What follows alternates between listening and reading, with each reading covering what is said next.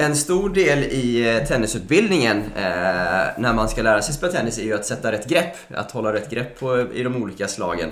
Eh, vilket kan vara lite lurigt. Eh, men det finns ju ett, ett verktyg som kan hjälpa till lite med det. Eh, Gripfixer som ni har, House of Bontin. Eh, Petter, berätta lite mer om, om det. Ja men det stämmer Linus. Eh, vi har en produkt som heter Gripfixer. Eh, en fantastisk enkel produkt egentligen eh, som, som verkligen gör jobbet. Det är en liten gummiring som finns i två storlekar som du fäster på, på greppet på racket. Och den är ju till för att från början kunna sätta och ta ett korrekt kontinentalgrepp, eller som många kallar hammargrepp. Mm. Men även jobba med forehandgreppet. Mm. Och det vi ser är att eh, både liksom för nya spelare att från början lära sig rätt. Men även för spelare, duktiga spelare som, som under säsong, mycket mm. under tävlingar börjar förändra och korrigera eh, fel så att säga. Eh, så är den här väldigt bra för att kunna korrigera tillbaka och sätta ett, ett korrekt grepp. Klassiskt på somrarna till exempel när man kanske inte har organiserat träning ett tag. Det blir grus, eh, höga träff, träffar. Mycket vanligt, mycket ja. vanligt. Så det här är, det är, en, det är en fantastiskt enkel produkt som verkligen, verkligen funkar. Tar tre sekunder att fästa och tre sekunder att ta bort. Så den är väldigt, väldigt enkel att liksom snabbt eh, sätta på räcket och köra igång. Och det finns för både höger och vänsterhänta? Jättebra lins. Höger och vänster och så finns det för junior och eh, senior greppstorlek så att säga. Just det. Houseofbontin.se hittar man den på. Och använder ni rabattkoden LINUS så har ni 15% hos House of Bontin på hela sortimentet förutom slingerbag och redan nedsatta priser. Linus för 15%.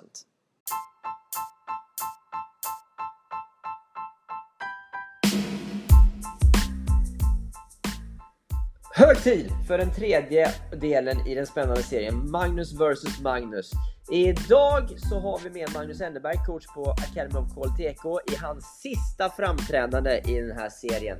Och Enderberg kompletteras idag upp av Magnus Larsson, före detta världstia i singel och idag tränare i Växjö TS. De två utvalda ämnena för dagen, inskickade av lyssnare, är varför anses det vara värre med dubbelfel än att göra unforced error under slagduellerna? Samt eh, spelstilar och spelidentiteter. Allt det här pratar vi givetvis om och eh, cirklar lite kring, kring och runt de här ämnena eh, med lite sidospår givetvis som den här podden hör till.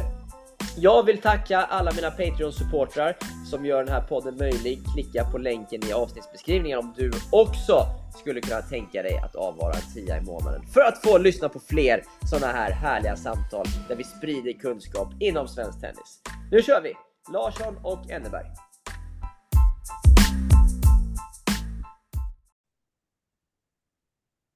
Då sitter vi här med ett nytt avsnitt av Magnus vs Magnus och idag har jag med mig Magnus Larsson. Eh, välkommen eh, Larsson! Tack så du Tack! Och eh, Magnus Enneberg. Välkommen du med! Tackar, tackar! Tackar, tackar! Vi ska börja med att prata idag om lite om kopplat till serven och vi har ju fått in en, ett förslag på ett ämne från en av lyssnarna med där där han skrev var, varför anses det värre med, med dubbelfel på grund av aggressiv andra serve jämfört med errors under till eh, vanligt spel. Och då tänkte jag vi kan koppla det lite till serven. Om vi börjar med dig eh, Larsson som, som hade serven som ett av dina vapen. Hur, hur resonerade du kring hur du byggde ditt spel kring andra serven? Eh, andra serven eh, eh gjorde jag mest, alltså safe, mycket, mycket spin, jag ville att bollen skulle vara i luften länge och, och få motståndarna och backa tillbaks så att jag hade mer tid att, att spela förhand. Ja. Eh, när jag spelade så var de inte lika bra på att ta bollen eh, högt. Eh, så att jag fick, jag fick ganska mycket utrymme och, och, tid för att i alla fall kunna börja med förhand på, på, på mitt första grundslag så att säga. Just det, just det. Jag, jag gillade ju alltså dubbelfel. Eh, jag gjorde inte många dubbelfel. Nej. Eh, I efterhand, man reflekterar, man, man jobbar här. Skulle man gå tuffare på andra serven? Ja, kanske. Uh, offra något dubbelfel till. Uh, Tror du att du hade tjänat på det? Jag vet inte. Uh, då tyckte jag att jag, jag höll mig serve ganska bra så att uh, det är inget som jag direkt funderade på vid den tidpunkten utan man hade sin, sin tråd och man tyckte att, att jag vann mer på det än inte. Eh, idag kan jag tycka annorlunda att man kanske skulle gått lite tuffare kanske. just det. Men, men uh, det är lite sent att ändra just nu. Ja, det, det, är det ju. uh, Enneberg, hur tänker du kring, kring den biten med dina elever som du coachar? Ja, men om vi, om vi pratar spelare som är i, i, i liksom vuxna eller som spelar på, på touren så handlar det extremt mycket om att veta vad som är effektivt för just den spelaren. Som vi säger att eh, första serven är, är det stora vapen och sen handlar det om att ha koll på hur mycket vinner jag bakom min andra serv. Och eh, om, om, om min andra serve är så pass eh, lös att även om jag sätter den så vinner jag in, inte så mycket poäng på den, då är det ju bättre att gå tuffare med andra serven. Ja. Eh, men om, om om min andra serve, jag gör lite dubbelfel, men jag vinner mycket poäng bakom andra serven, då är det inga problem med dubbelfel.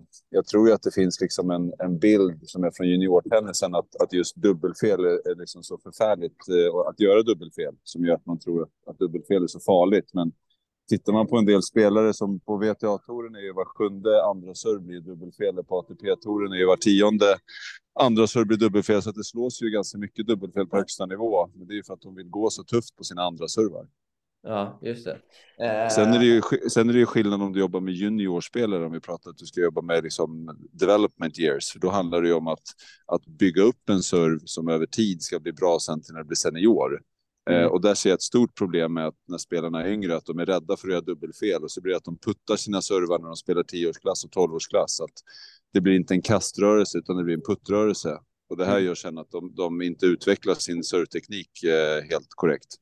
Ja, ja. Mm, bra, jag håller, jag håller med. Det beror lite hur man gör dubbelfelen.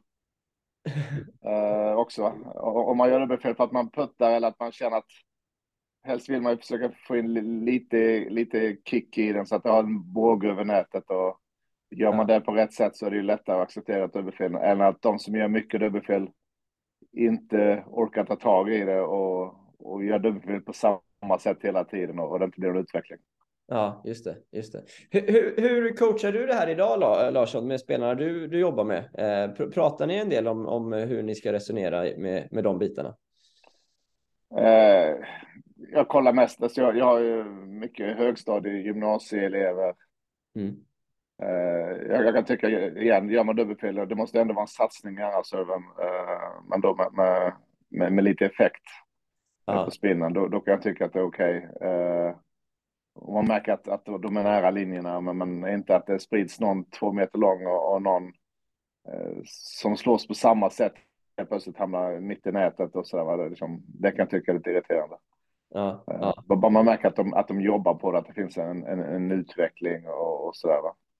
Just det. Men, men äh, rent, det sitter väl i sen innan att, att uh, jag tycker verkligen inte om dubbelfel och, och jag blir fortfarande irriterad på mig själv när jag dubbelfel. det, är det, är kanske därför jag slutat, det är kanske därför jag slutat att serva. så, Ja, jag med. Hur, eh, hur mycket kollar, om vi tar dig, dig Larsson, när du, när du var aktiv spelare, hur mycket kollade ni, liksom, hade ni koll på procenten och så? Om vi pratar både första och andra serv. Eh, hade, hade ni koll på statistiken mycket eller var gick man mer på känslan? Ja, men man hade väl... Eh, jag låg hyfsat högt upp i, i, eh, i listan på i servkategorierna.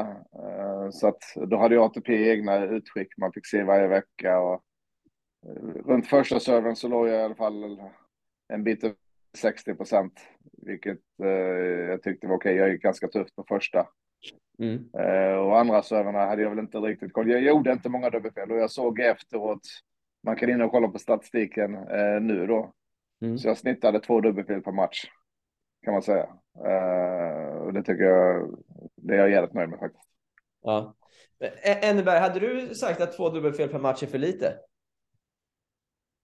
Ja, men det, det som är intressant där, jag vet inte om du har de siffrorna framför dig där, men det är ju hur, hur mycket procent du, du vann bakom din andra serve eller hur mycket man vinner bakom andra serven. Koll, ja. kollar, man, kollar man på ATP-tennisen nu så ser man att de bästa killarna kan vinna över 50 procent när de spelar sin andra ja, serve. det är jävligt bra. Ja. Jag, jag, låg, jag låg runt, jag låg strax under 50 procent. Och ja. känner jag då att jag, att jag vinner kanske en, en uh, höga 70 på första servarna. Jag får in 60-65 procent av dem och håller mig nära 50. Då är det ju ganska klar plusstatistik eh, på servrarna och, och då, då, är man ju faktiskt nöjd. Ja, ja. Just det. Eh, vad, vad, vad, brukar du eh, tänka när det gäller statistiken, Enneberg, när du, när du coachar spelarna? Vad, vad vill man ligga på för procent? Eh, men där, där, eh, om man tittar på de spelarna som jag jobbat med genom åren som spelar på, på ITF, eh, alltså Women's och Men's Tour, så kan man ju se vinstprocent och det det handlar om där, det är att, att det är olika för olika spelare. Du kan ju prata om generella siffror, men i slutändan handlar det om att hålla servegame och breaka servegame. Och då kan ju spelare vara mer holdish, att, att de jobbar mycket med att hålla sin serve, att det är väldigt viktigt. Och då gäller det att ha koll på de siffrorna, att man att man vinner tillräckligt mycket bollar bakom första serve och andra serve så att man kan hålla sin serve mycket, som till exempel Larsson gjorde. Eller så kan du ha en spelare som bygger sitt spel mer kring, eh, kring att breaka mycket för att de är bra eh, på de bitarna. Men det gäller ju att om du lägger ihop, om du lägger ihop de här siffrorna så måste du ha koll på att man, att man är en vinnande spelare. Och det du kan kolla på de här spelarna eftersom det finns så mycket statistik på de här matcherna, det är att du kan se en, en tendens, en trend över tid. Alltså att du kan se att ja, men de sista 30 matcherna så vinner spelaren så här mycket bakom första serv, så mycket bakom andra serv. Och sen om man ser att man jämför då med, med topp 50 eller topp 100 så kan man säga, ja, men vad, vad är skillnaden här? Okej, okay, vi vinner för lite poäng bakom våra andra serve. Okej, men då, vad är det då? Är det andra serven som måste bli bättre? Är det själva serven eller är det, är det tekniskt då? Eller är det taktiskt att vi måste börja flytta bollen mer andra serven eller är det spelet efter serven? Så att eh, jag, jag, tror ju på, på den här nivån så måste man vara väldigt individuell. Det är svårt att prata generella siffror på den här nivån. Ja, jag förstår. Jag förstår. Mm. Eh, hur, hur, mycket, hur, mycket, hur mycket jobbar ni med liksom slaget efter serven eh, kopplat till när vi pratar till exempel andra serv? Eh, och, och vad är viktigt, viktigt där? Larsson, om vi börjar med dig. Uh, ja, alltså för att återgå, återkoppla snabbt till förra grejen bara att det är klart att mötte jag uh, en grym grusspelare på grus, det är klart, då gör jag mer dubbelfel, då räcker inte att putta in den, för där vet jag att jag vinner kanske tre av tio från baslinjen. Så då måste man ju vara tuffare. Va? Möter jag eh, en, en sämre grusspelare på grus, så där jag känner att jag vinner sju av tio från baslinjen, då vill jag verkligen inte göra dubbelfel. Va? Men, men eh, annars, eh, med min senare fråga här är ju eh, lite positionering. Varför står du på en viss position när du servar? Varför står du långt ut i forehandsidan? Om du har en bättre forehand, då blir det ju mycket backhand på nästa slag och, och så vidare. Så att man för det första står på rätt plats när man ska serva så man får utnyttja sina bästa slag. Serva på ett visst ställe, ja då kommer bollen ofta tillbaks på ett visst ställe. Ja. Eh, så att man, man ger sig själv en fördel på tredje slaget genom att bara stå på rätt ställe eller serva, eh, hitta en viss vinkel på serven. Det är ganska viktigt. Ja. Eh, och lära sig var turen oftast kommer tillbaka. Så det får man ju genom antingen om vi säger till eller den hårda vägen genom, genom att lära sig var returerna kommer och, och märker man att man servar på fel ställe och förlorar mycket poäng, ja då får man ju hitta på något nytt. Va? Just det. Så just att, det. Eh, positioneringen är, är, är ganska viktig om du har en bättre forehand eller bättre backhand. Ja, ja. Eh, och hitta vinklar och så vidare. Just det. Hur, hur, hur, hur, hur, tränar, eller trä, tränar man, eller hur tränar du liksom serven så matchlikt som möjligt i och med att man får inte riktigt in samma, samma press om det är en match eller samma stresspåslag. Hur, hur, hur, hur tycker du man kan jobba så, så effektivt som möjligt med just servemomentet? Larsson? Ja, kör Larsson. Ja, okej. Okay, okay. uh, när jag själv spelade så uh, jag tränade mycket serve. Uh, ja. För att jag visste att det, det är där jag vinner matcher. Jag vinner inte matcher på att spela bra backhand. Eh, jag vinner matcher på att serva och genom en bra serve så får jag slå mer forehand på tredje slaget. Ja. Så det blir som, var ju, var ju min, eh, min grej då. Och tränar jag mycket serve och känner ett bra självförtroende den så det är klart att det är lättare att serva när, när man kastar upp bollen och man känner fan det här blir nog en bra serve. Ja. Att, och man känner att oj, oj, nu ska jag serva också. Eh, då blir det lite, eh, man blir lite på hälarna direkt efteråt också. Man blir lite, lite, lite orolig och osäker och sådana matcher har jag med givetvis haft när man servat dåligt och det blir inget bra flyt i spelet efter det heller. Man, man bygger upp en, en rädsla redan innan pengar börjar. Ja, ja. Uh, så att det, det handlar ju som allt annat, skapa sin trygghet uh, och gå därifrån. Hade man gjort en dålig träning och varit sjuk eller man, man har servat dåligt så är det klart att man är inte riktigt trygg när man kommer in i matchspel och, och så där, va. Och det, det, det ser motståndaren ganska väl om man inte, om man inte ligger så nära linjerna som, som man brukar. Men, men brukar du... Liksom... Det handlar, handlar, handlar om att träna sig till äh, äh, ja. en, en trygghet. Men brukar du ofta stå med en hink och liksom nöta serve då? Eller hade du något speciellt? Ja, jag gjorde det. Jag, ja, jag gjorde det. Mm. Jag servar med mycket hinkar. Så ställer man ut bollburkar i rutorna och försöker träffa. Och, så att en, en, en 20 minuter om dagen i alla fall. Plus matchspel. Ja, ja. Så vi servade mycket. Det var mest att jag spelade mycket då med, med Kalle Hagestad och Stefan Simonsson som tränare. Vi nötte och de orkar inte spela så länge kanske, så att äh, vi tar serva lite på slutet. jag får spara dem till eftermiddagspasset. så, nej, så, så, så, så, var det inte, men jag gillar att träna serve. Det var ju, som, det var ju så jag vann mesta matcherna. Ja, jag vet. Enneberg, berätta lite hur du eh, tränar serve eh, så, så, för att komma så nära matchkänslan som möjligt. Om, om vi pratar med, med, spelare som är äldre juniorer eller om de är proffs, då handlar det som sagt om att få det matchlikt så att säga. Så jag, jag gillar ju att, att göra det mesta i, i matchsituationer som vi ska göra, jobba med andra serv. Då gillar till exempel att ja, men då spelar vi en, en dragkamp eller vi spelar en tia och så får man bara slå andra servar eller alltså så att vi, vi får det i, i matchform. Sen, sen gillar jag om, om vi pratar eh, serveträning specifikt då med, med de spelarna, det är att att eh, jobba med de här gula pinnarna. Alltså att istället för att sikta i rutan så ska det vara rutan plus vilken skruv du kan sätta på bollen eller hur platt du kan serva den. Så jag sätter ut gula pinnar nere vid, vid väggen eller utanför singellinjen och liksom mm. verkligen pushar dem att, att den, liksom, den ska sitta på ett visst ställe i rutan. Men sen måste också slicen måste gå ut så mycket så att den går utanför pinnen. Och sen om jag kör individuellt med spelarna kan det vara att jag själv står som returtagare och så ska de liksom serva utanför mitt racket. Så att det blir pla placering, plus typ av skruv. För där ser man ju en del spelare, till exempel, framförallt kanske de lite yngre, som har mycket slice i sin serve.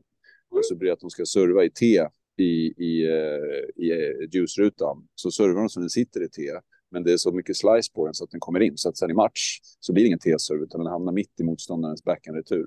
Så att um, det, det, tycker jag är ett, ett, sätt. Och det är också ett sätt att testa av för spelaren. För då brukar vi säga tio servar, de ska serva varannan utåt, varannan i T eh, utanför de här gula pinnarna. Det är också ett sätt att testa vart de är säkrast. Alltså vilken träffar de oftast och vilken är de mest trygg på. Och då ja. vet de att ja, men om det är 30 lika eller 40-30, då, då kommer jag nog ha lättast att träffa den här ytan. Och är det någon yta som är svår att träffa, då vet vi att i träningarna, är det någonting tekniskt som gör att de inte får till den här serven så att vi måste jobba med någon detalj.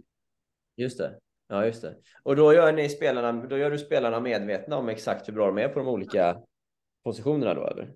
Eller de, de...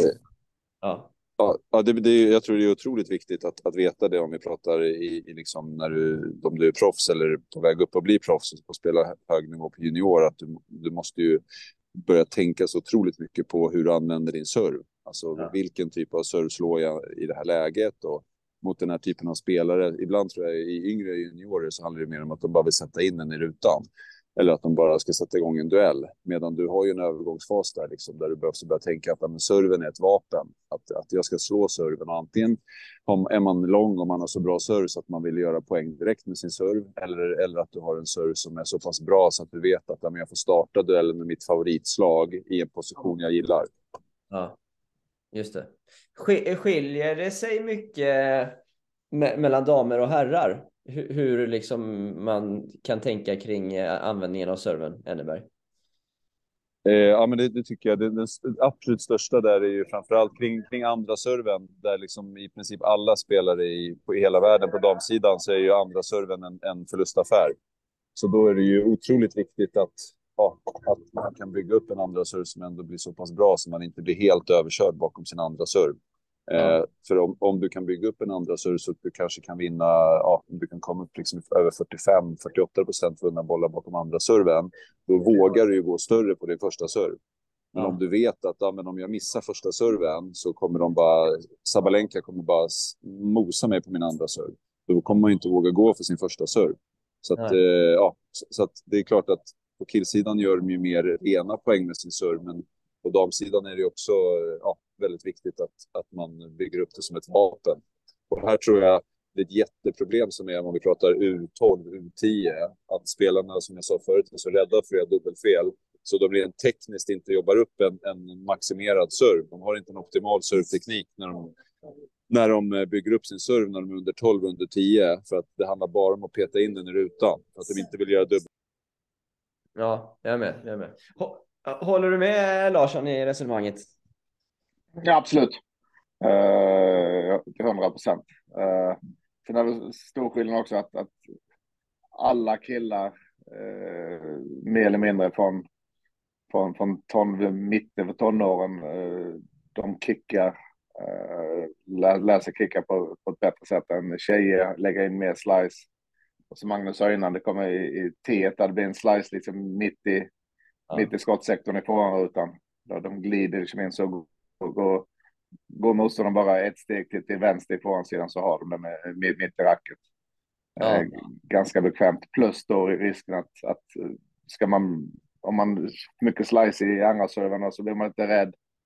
Då bromsar man i tillslaget och, och det blir, blir inget bra.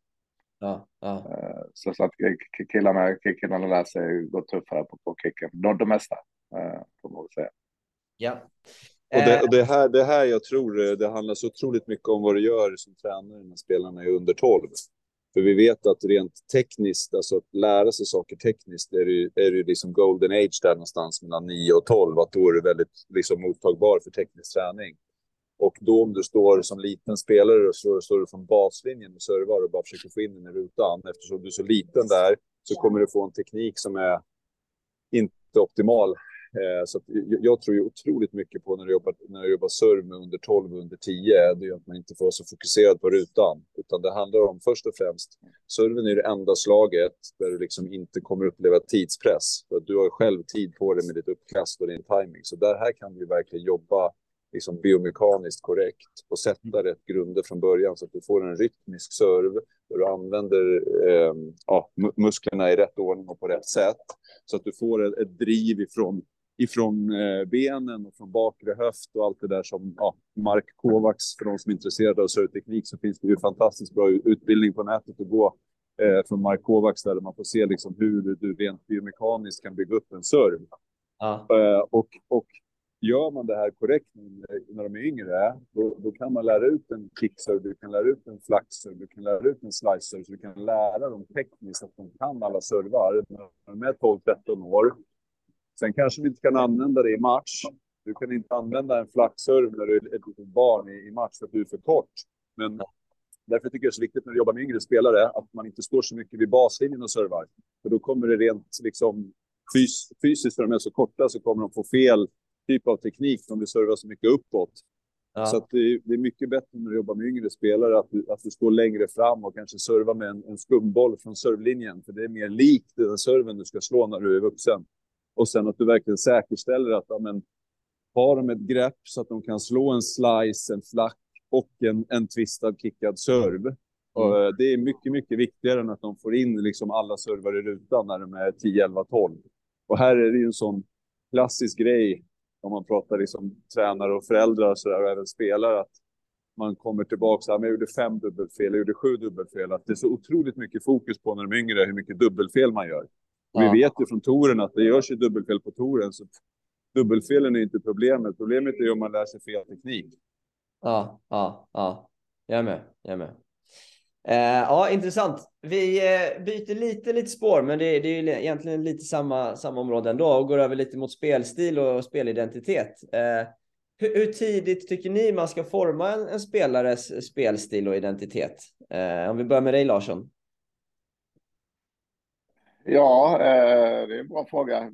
Vissa har ju sin, i sin, nu har inte jag, jag jobbar inte med några yngre spelare, men vissa tror jag är ganska tidiga med att själv eh, man hittar sin identitet. Sen ska ju tränaren hjälpa till och, och, och skapa lite, men, men eh, vissa klarar tidigt och, och, och vissa famlar ju mycket, mycket senare. Va? Det blir bara massa slag eh, som ser jättefina ut, men det finns liksom ingen riktigt tråd i det.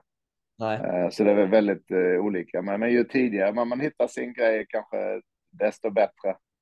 Ja. Hur, hur, var det för dig? Ja. När började du? Ja, men jag, jag var ganska tidig. Jag, jag kunde inte springa, jag kunde inte slå backen. Så att, jag hade två slag jag kunde göra. Så att, det, det, det var ju som inget val. Jag, jag hade jag haft en bättre backhand hade jag kanske blivit en sämre spelare. Så då hade jag liksom tyckt det var kul. Uh, så jag, jag, var väldigt, väldigt tidig. Det, det är min känsla. Jag har inga, inga filmer från när jag var liten, när jag spelade och så vidare. Nej. Men uh, det, det kändes ganska såklart uh, för mig. på gott och ont nu i efterhand så jag var så inställd på att min backhand ska in i banan och det, liksom, den ska jag inte ta några risker med utan det är forehand jag ska gå för. Ja. Uh, hade jag gått utanför boxen lite tidigare under min karriär och sagt nej, fan, jag ska träna upp en jävligt bra backhand. Ja. Uh, så kanske jag hade blivit bättre, det vet vi inte. Men jag kan också ha tappat allting. Exakt. Men, nu är man lite mer nyfiken på att se hur det skulle kunna vara. Eh, minns du hur dina tränare liksom coachade dig i hyfsat ung ålder? Var det liksom att allt kring dina vapen eller ville de att du skulle utveckla andra bitar också? Eh, alltså, jag växte upp i Olofström, jag hade, jag hade jättebra tränare, men, men rent tekniskt och taktiskt, det handlade, det handlade om att vara kul och, och eh, det mesta och slå mycket slag och olika tävlingar och så vidare. Jag ja. minns inte att vi, vi gjorde, att vi hade några, några genomgångar hur det var. Det var ju ideella tränare som var där för, för det var kul. Så att det, ja. det, var inte uppbyggt på det sättet. Det var uppbyggt på att, att vi skulle ha det jävligt kul och bli nyfikna på, på vårt spel på vår tennis givetvis. Okay. Eh, jag, minns, jag, jag minns faktiskt inte. Uh, mer att vi hade jävligt kul när vi spelade och man ville spela mer. Ja, det är väl positivt. Är... Så, så, att man fick en, vi, vi, jag satt nog hemma och snickrade ganska mycket själv och funderade och uh, vad är de tankebanorna? Och sen testade man på banan. Så vi, vi, hade det var, vi hade ju inga tränare som sa att eh, nu ska vi spela där, vi ska spela två kors rak och så och så och så, utan jag tror man fick, vi fick pröva oss fram ganska mycket och sen så märker man ju, jag hade ju tur att spela med eh, jämnbra spelare i, min ålder så att man fick hitta ett sätt att, att vinna mot varandra eh, och, och luska ut lite själv. Ja, jag med. Eh, så, så att um, vi var nog ganska tidiga med att och, och, och, lära oss att tänka själv. Ja. Enneberg, hur tänker du kring de här bitarna? Hur tidigt man ska forma en identitet?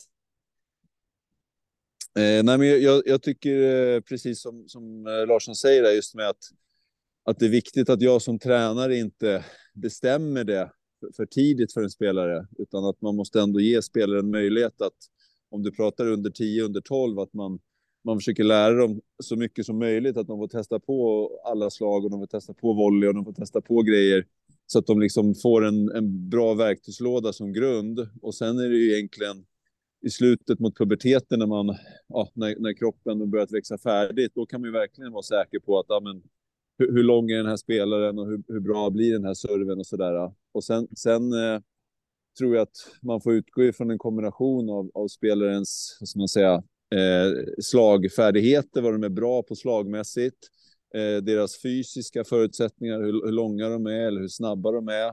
Och sen även lite men, mentalt, liksom vad de är för typ av, av person. Eh, sådär. Så det, det får ju ihop bli spelarens spelaridentitet. Eh, ja. Så att det, jag, jag, tror att det är väldigt viktigt när du spelar som proffs och dina, dina sista år, juniorår, när du liksom, ja, börjar bli mot vuxen, att då måste du veta mer vem du är som spelare. Men jag tror att det finns ju en risk i framtidens tennis är min bild av att spelarna är ganska kompletta. Att en, en Alcaraz och en Coco Gauff, de, de kan ganska mycket tennis. Och då tror jag att om man, om man, för, om man för tidigt låser in en spelare i att säga att du ska, du ska gå fram på nät mycket eller du ska bara springa bak och slå cross och så gör man det lite för tidigt. Då blir de kanske bra på den grejen, men att det finns en risk då att de, de inte liksom har tillräckligt med kvaliteter för att kunna maximera sitt spel sen när de blir äldre. Ja, just det. Hur, eh, ja, jag med. Men hur tidigt kan man, kan man se vilka styrkor en spelare kommer att ha då? Eller tänker du att man inte, det får komma naturligt när de blir äldre? Eller kan nej, man se det? Nej, nej men det, det, är klart att, att man, man kan se det, men om, om du har en, en, en tioårig kille som, som är jätteduktig och, och, och vinner Salka Open på att den den springer och är snabb och liksom får tillbaka mycket bollar i banan så tänker man ju då så här, men det här är ju riktig, ja, riktig bollvägg och liksom säker spelare. Men, och, och, då kanske man blir att ja, men så, så ska den spela, men sen kommer den spela in i puberteten och växer till jättemycket.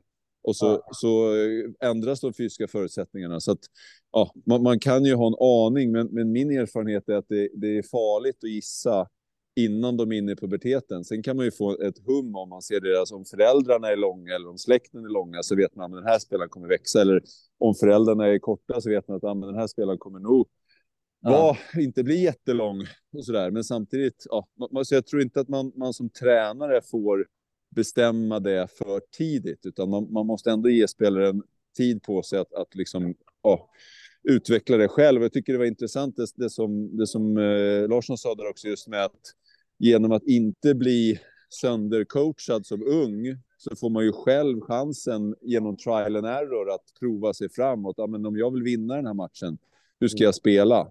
Och jag, jag tror, i alla fall i, i, Stockholm här där jag befinner mig, så är, är det ju många spelare som, som spelar otroligt mycket med, med tränare på banan och får mycket tips och många föräldrar som vill, vill vara involverade också och ge massa tips. Och vi kanske dödar barnens och ungdomarnas möjlighet att, att lära sig att själva analysera, för att det är alltid någon annan som berättar hur de ska göra. Så jag, jag tycker det var en väldigt intressant eh, intressant eh, story där, just med eh, att det här möjligheten att spela utan att bli tillsagd ger spelaren möjlighet att själv tänka att amen, vart ska jag serva, vart ska jag slå min forehand, okej, okay, backhand håller jag i så jag får läge för min slägga. Så att, ja. eh, jag tror det är viktigt att tänka på i, i, i dagens samhälle att, att barnen måste få chansen att tänka själva och måste få chansen att, att analysera själva utan att någon vuxen säger vad som är rätt och fel. Just det, jag är med. Jag är med. Eh, när, eh, Lars, när du kom upp lite i åldern, sen när du hade, byggt, eh, när du hade skapat en, liksom, en identitet eller en, en tydlig spelstil. Hur funkade det när, när du sen tränade med spelare som hade andra spelstilar? Eh, tränade liksom, fick man sin egen slottid? Att nu tränar vi på det du behöver träna. Eller tränade man generella grejer då också? Hur, hur kunde det se ut? Typ? Träningarna skiljer inte så mycket om jag spelar med, med någon som Uh, som man inte brukar träna med och som, som har jättebra val. Det är klart att om jag, om jag tränar med Edberg då till exempel. Ja. Då, han står inte en, en kvart bakom baslinjen och, uh, och nöter grundslag utan han, han går ju gärna, stryper gärna ett par minuter där och, och går fram och spelar, spelar volley. Och, uh, sen, det handlar ju om att ge och ta givetvis. Så har man en varsin tränare eller då så klart att nu, vi tränar lite så och lite så. Så det är ju ge och ta. Det är, ja. som, det är, det är inga konstigheter, det, det, det, tycker jag inte. Utan, och som Enneberg säger, alltså, idag, spelarna idag är mycket mer kompletta än vad eh, vi var rent generellt. Eh, så att eh, allt, allt behöver tränas eh, hela tiden. Men, men eh, det, det, det är ju att ta, tycker jag. Ja. Ja, jag med. Jag med. Det, det, är tennis det handlar om och det, vi behöver slå slag på alla möjliga delar av banan. Så att, det är väl kul och det är också, det är också kul att, att inte träna likadant hela tiden utan det, är som eh, det är alltid spännande och när, det kommer, när man spelar med någon ny och de har en tränare och de kommer med några idéer och det finns alltid saker att ta med sig från allting. Ja. Det, låter så, det låter så soft liksom så här. Alltså jag ja. tänker, i, i, idag så tror jag det är fler som liksom bara, nej jag vill jobba med mina grejer liksom så här. Men, men det, då var det mer så här. Men det, ja, det, får, det får man ju göra med, med, med, sin egen tränare eller, eller om man har, är bra nog och, och har en sparringpartner med sig. Eh, då kan man jobba med egna grejer, men annars så eh, som det, det, en, en tennismatch är inte bara en serve eller en backhand eller en forehand, utan det, allting ska ju falla på plats. Ja, så att, ja. Eh, och, trä, och tränar man en, en tre timmar tennis om dagen så finns det ju faktiskt utrymme och inte bara göra det man tycker är kul. ja, men så är det. Eh... Jag vill ta tillfället i akt och tacka min sponsor och partner Blueship, Skandinaviens ledande organisation när det gäller studier i USA. Både om du vill studera eh, och plugga för pluggandets skull eller om du vill åka över för att idrotta och samtidigt få dig en utbildning i USA, kanske med stipendium så är Bluechip organisationen att vända sig till. Bluechip har varit min partner de senaste månaderna och jag är oerhört glad och tacksam för det. Bluechip.nu så kan du läsa mer om de här möjligheterna.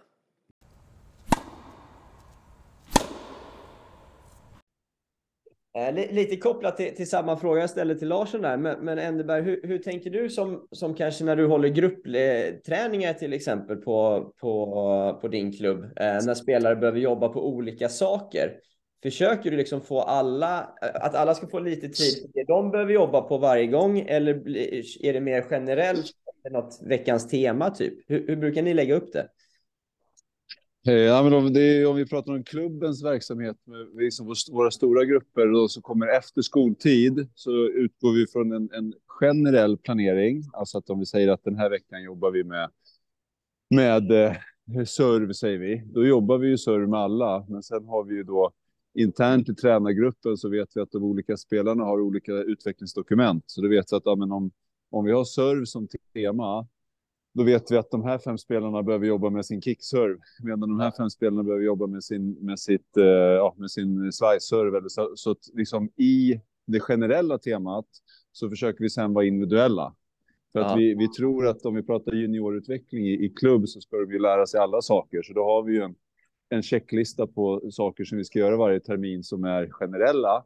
Och sen i det generella finns det sen individuella spelarplaner Sen för de spelarna som, som jag jobbar eh, mest med nu i, i vår Academy och KLTK-del, som är här mycket dagtid och kör, då, då är det ju mycket mer en på banan eller två på banan. Så då kan man ju vara mycket mer individuell. Att då, då är det inga generella saker, utan då är det ju den här spelaren behöver jobba med de här sakerna. Så nu jobbar vi på de här sakerna. Så att det, det beror helt på ja, vilken typ av, av eh, spelare det är så att säga. Men så, att, så, så för, en, för en klubb så tänker jag att man ska ha en generell planering för att du ska kunna genomföra det för gruppen. Men sen att det i det generella du är så du vet vilka detaljer du ska göra med varje spelare.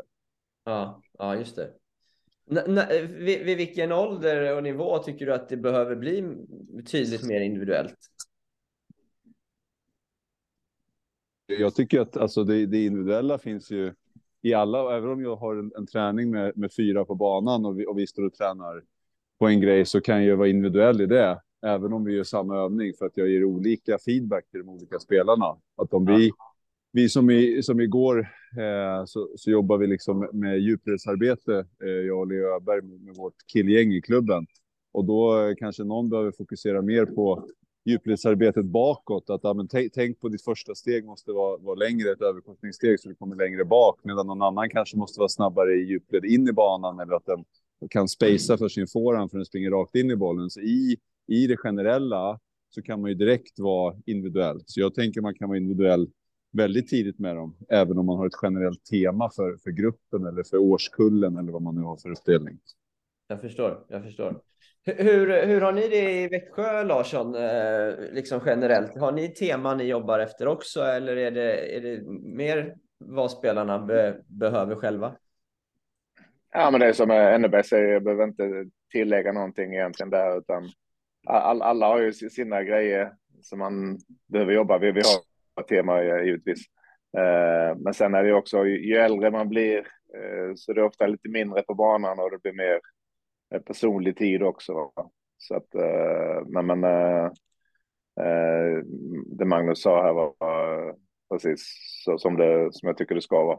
Så ja. att, eh, om, om vi tränar, tränar vi forehandcross, någon, någon behöver bli lite tidigare i baksvingen, någon behöver komma närmare bollen och, och så vidare. Så att eh, har man samma spelare en, en tre, fyra gånger i veckan eh, så är det klart att man, man har en dialog under träningens gång, även om det är fyra på banan så, ja. så, så kan man ändå göra ganska personlig feedback.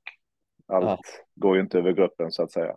Nej, bara, bara kort där i slutet. Hur, hur var det för dig när du, när du var junior, Larsson? Var ni, var ni ofta få på banan eller var det mycket gruppträningar då också? Ja, det var gruppträningar, men vi var inte, eh, om jag minns rätt, var vi kanske, vi hade alltid två banor och vi var väl en fyra, fem, eh, kanske max sex. Jag kommer från en liten klubb. Mm. Eh, det fanns banor så att på vintrarna, när vi hade, vi hade tränat på vintrarna, på sommaren tränade vi ju själva.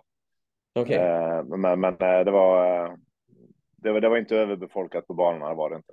Eh, idag ser man ofta att det är fyra på banorna, så det var ytterst sällan. Och då spelade vi dubbelt, så det var ju perfekt. Ja, okay. eh, så, va? så att eh, det, det fanns plats och, och gott om tid. Och inget jag har aldrig reflekterat över att det har varit eh, för många på banan när jag själv spelade. Det gjorde jag inte. Nej, jag med. Eh, snyggt. Eh, är det något mer vi vill tillägga? Eh, Enneberg Larsson? Nej, bra, bra input eh, Enneberg. Detsamma, detsamma.